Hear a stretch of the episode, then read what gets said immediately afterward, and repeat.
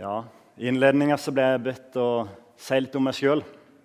Som sagt så heter jeg Olaf og jeg bor i Kristiansand for øyeblikket, men jeg kommer fra den lille bygda Iveland i, eh, i Indre Agder. Så det er godt å komme ut på, på bygda igjen. Um, før jeg ble prest, så um, jobba jeg som lærer. Så det kan godt være jeg har hatt en del av slektningene deres på Kvitsund eller Drottningborg.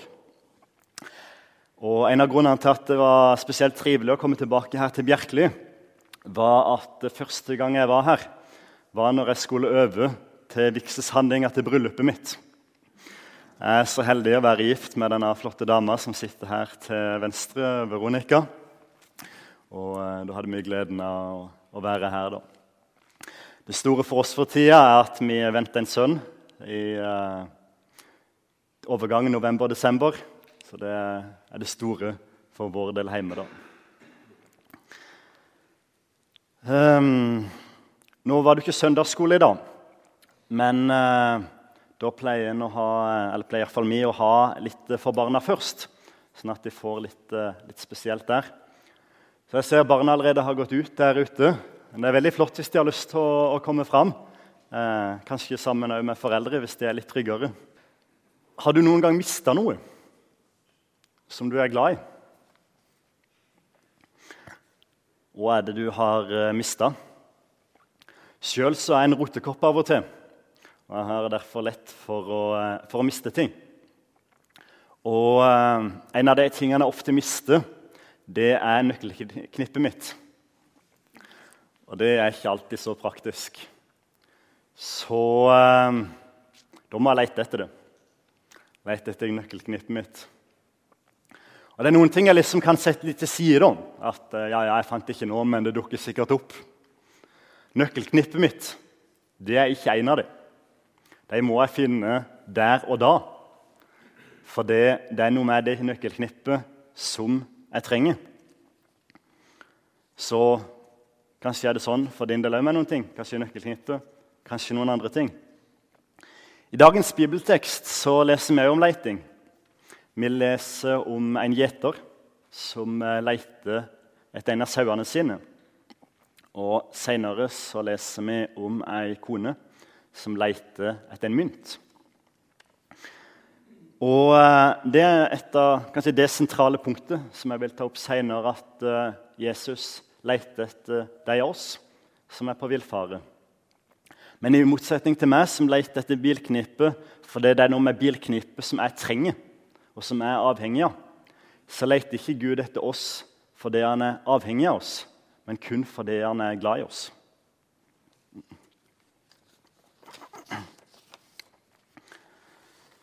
Dagens evangelium står skrevet hos evangelisten Lukas i det 15. kapittel, vers 1-10. Hør Herrens ord.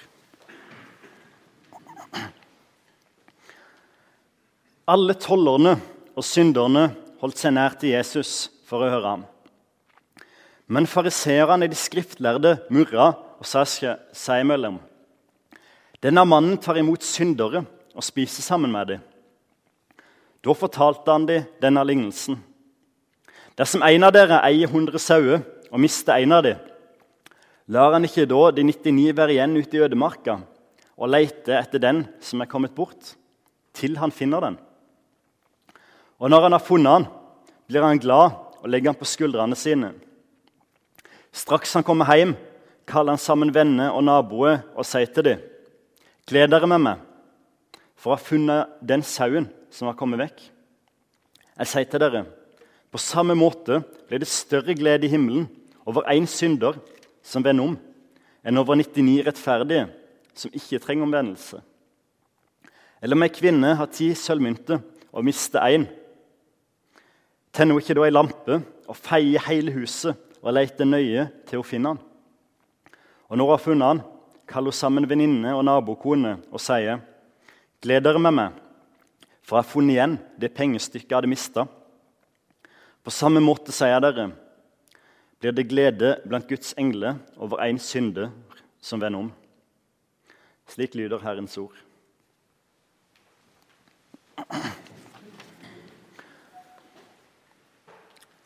Hva er det som gir noe verdi?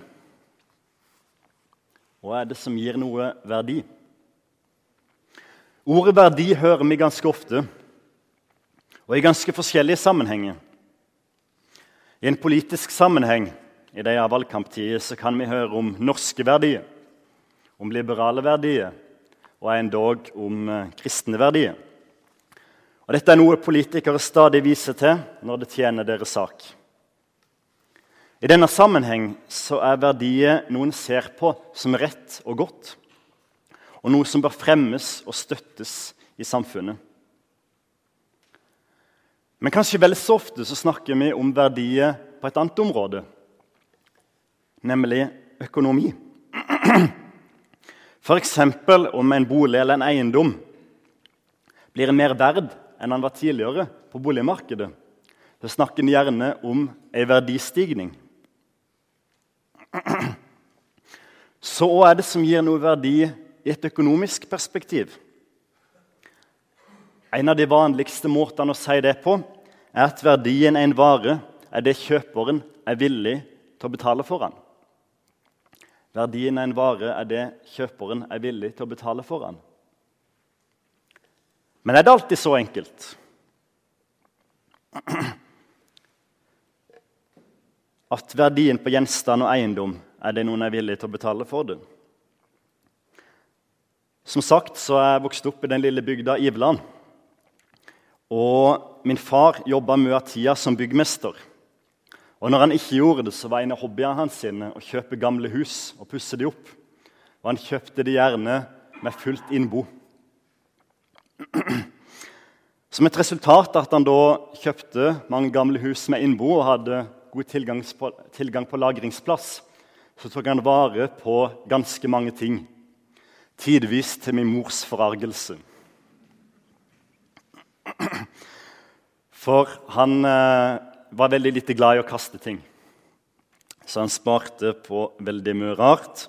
Og ting som ut ifra en definisjon om markedsverdi ville ha null verdi overhodet. Kanskje heller en negativ verdi fordi det ville koste å kjøre det til avfallsplassen. Allikevel så hadde det verdi for han. Det hadde verdi for min far, det han sparte på. Selv om de fleste, om de hadde blitt tilbudt å få det gratis, nok ville si nei.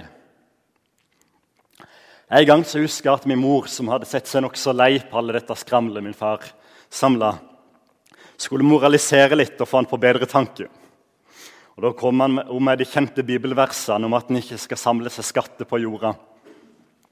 Der min far svarer nokså kjapt Og når ble alt skrotet mitt til skatte?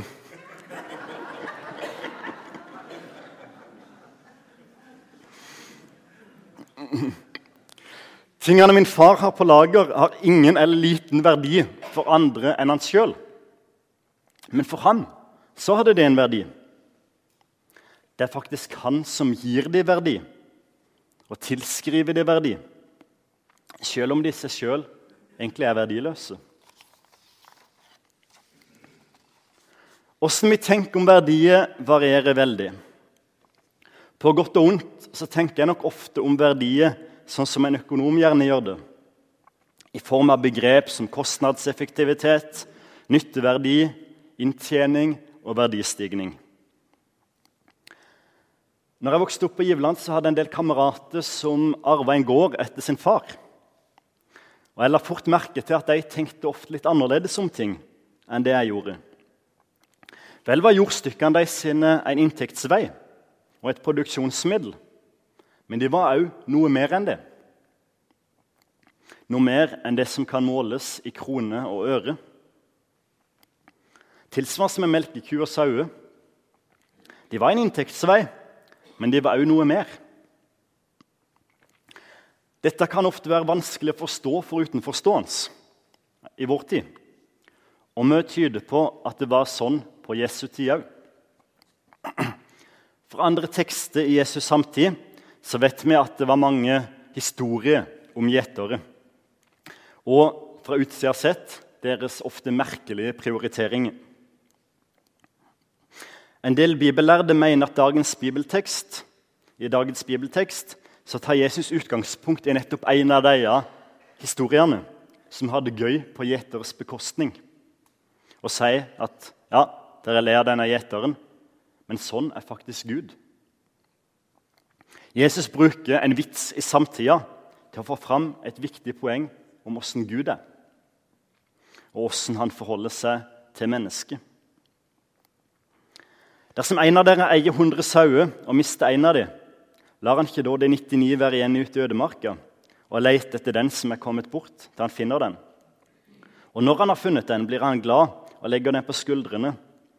Straks han kommer hjem, kaller han sammen venner og naboer og sier til dem.: Gled dere med meg, for jeg har funnet igjen den sauen som har kommet bort. Denne lignelsen høres jo egentlig helt tullete ut.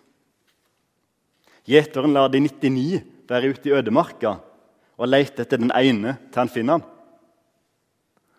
Det kan nesten høres ut som han ofrer de 99 for den ene. Ut fra en tankegang om risiko og mulig fortjeneste så høres det direkte uansvarlig ut, det han gjør. Å sette 99 i risiko for den ene. Høres ut som en merkelig prioritering. Åssen tenkte denne gjeteren om verdiet? Er dette noe merkelige bondegreier? Et av kjennetegnene på lignelse er at de stort sett har ett eneste poeng. Og Jesu poeng i denne lignelsen er nok ikke at de 99 sauene betyr lite, men at den ene sauen betyr mye. Som Jesus konkluderer i slutten av lignelsen, jeg sier dere, på samme måte blir det større glede i himmelen over at en synder som vender om, en over 99 rettferdige som ikke trenger omvendelse. Hva er bakgrunnen for disse lignelsene? Hva er spørsmålet som Jesus skal svare på gjennom lignelsene? Vi finner det i starten av dagens tekst. Alle tollerne og synderne holdt seg nær til Jesus for å høre han. Men fariserene og de skriftlærde murret og sa seg imellom. Denne mannen tar imot syndere og spiser sammen med dem. Da fortalte han dem denne lignelsen. De av lignelsene som vi har i dag, gis som et svar på kritikken mot Jesus fra fariserene om at Jesus tar imot og spiser med syndere. Fariseerne avskydde de de så på som syndere. I deres egne tekster så leser en at en ikke skulle ha noe som helst med det å gjøre. En skulle ikke engang forkynne for dem eller lære dem loven. Fariseerne var uten nåde, og de avskydde de de så på som syndere. De så på dem som verdiløse. Verdiløse. Den gruppa som fariseerne avskydde mest, var tollerne. På Jesu tid var Israel okkupert av Romerriket. Et rike som strekte seg over store deler av Europa, Nord-Afrika og Midtøsten. Og For å opprettholde et så stort rike så krevdes det penger. Mye penger. Og Det gjorde romerne med å skattlegge de de hadde okkupert. Og Det gjorde de ofte gjennom tollerne eller som det står i flere engelske oversettelser skatteinnkreverne. Og Da er det lett å forstå hvorfor tollerne var så umåtelig upopulære. Ikke bare presser de folk for penger, men de presser folk for penger som går til undertrykkende okkupasjonsmakt. Ikke nok med at de er undertrykkende okkupasjonsmakt, men de bryter loven og det de så på som rett religiøst på alle punkt. De dyrker avguder og de er svært brutale.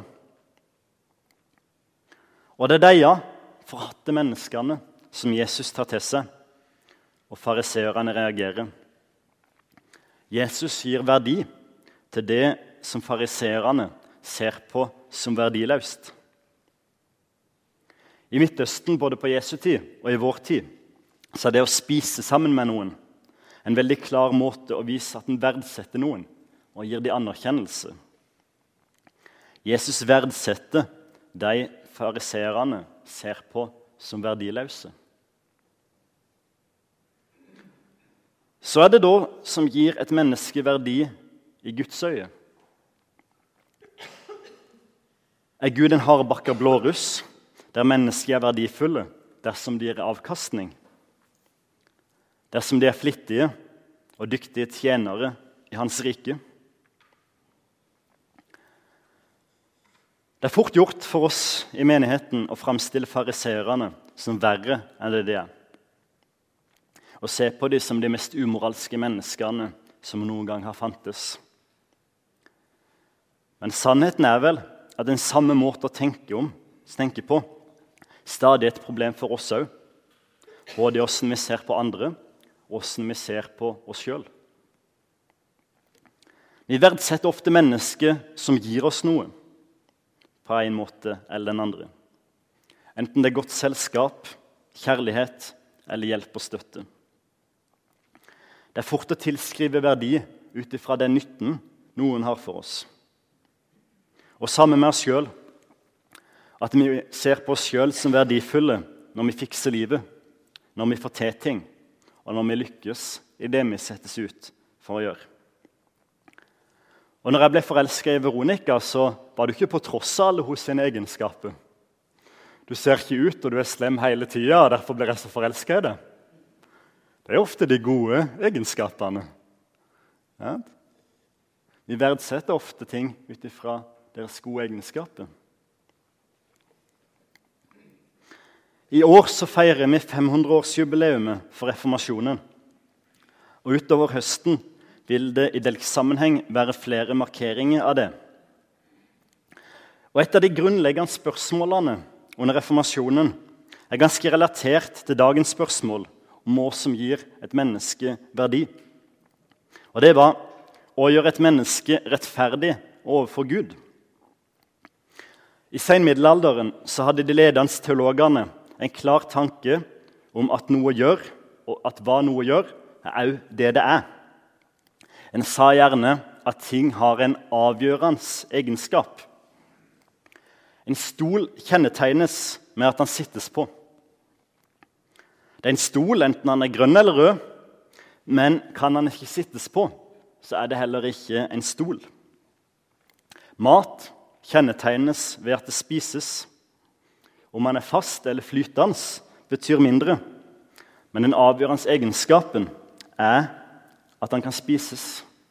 Han er fortsatt mat. Med denne tankegangen i bakhånd så konkluderte han med at det som gjør et menneske rettferdig, er at de seg sjøl har egenskapen av å være rettferdig overfor Gud. I ord, handling og tro. Det levde rettferdig. Eller tilsvarende med dagens tema at det er egenskapen og egenskaper som gjør det verdifullt. Og Det reformatorene så, var at Bibelen lærte noe som ikke passa med denne måten å tenke på. Som vi leste en av dagens bibeltekster. Ja, dette er kjærligheten. Ikke at vi har elska Gud, men at Han har elska oss og sendt sin sønn til soning for våre synder. Vår verdi ligger ikke at vi oss sjøl er verdifulle, at vi har egenskaper som gjør oss verdifulle, men at Gud gir oss verdi og tilskriver oss verdi. Ikke på grunn av det vi er, ikke fordi vår avgjørende egenskap er å være verdifulle, men fordi Gud har kjærlighet til oss og ser oss som verdifulle. Og at vi derfor, i kraft av det, òg blir det.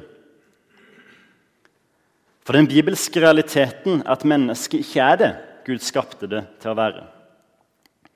Som sagt er min far byggmester, og en av de tingene han lærte meg nokså tidlig, var at om du lager et byggverk, og noe har gått galt, og det ikke fungerer som det skal, så er det stort sett det beste å rive det og starte på nytt. I Bibelen så var det dette som skjedde med syndefallet. At mennesket som Gud hadde skapt, falt og ble til skrot. Ikke bare det, men mennesker siden lever i opprør mot sin skaper.